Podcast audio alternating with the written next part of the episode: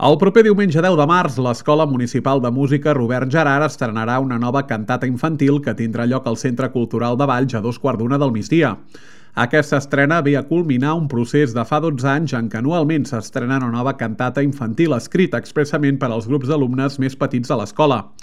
Aquesta és la desena cantata, doncs, que l'escola estrena després que durant els dos anys de pandèmia es va optar per aturar les estrenes i treballar amb altres cantates interpretades anteriorment.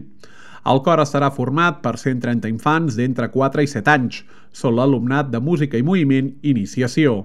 L'entrada al concert és lliure amb aforament limitat i cal adquirir l'entrada a través de l'AFA de l'escola a taquilla el mateix dia del concert.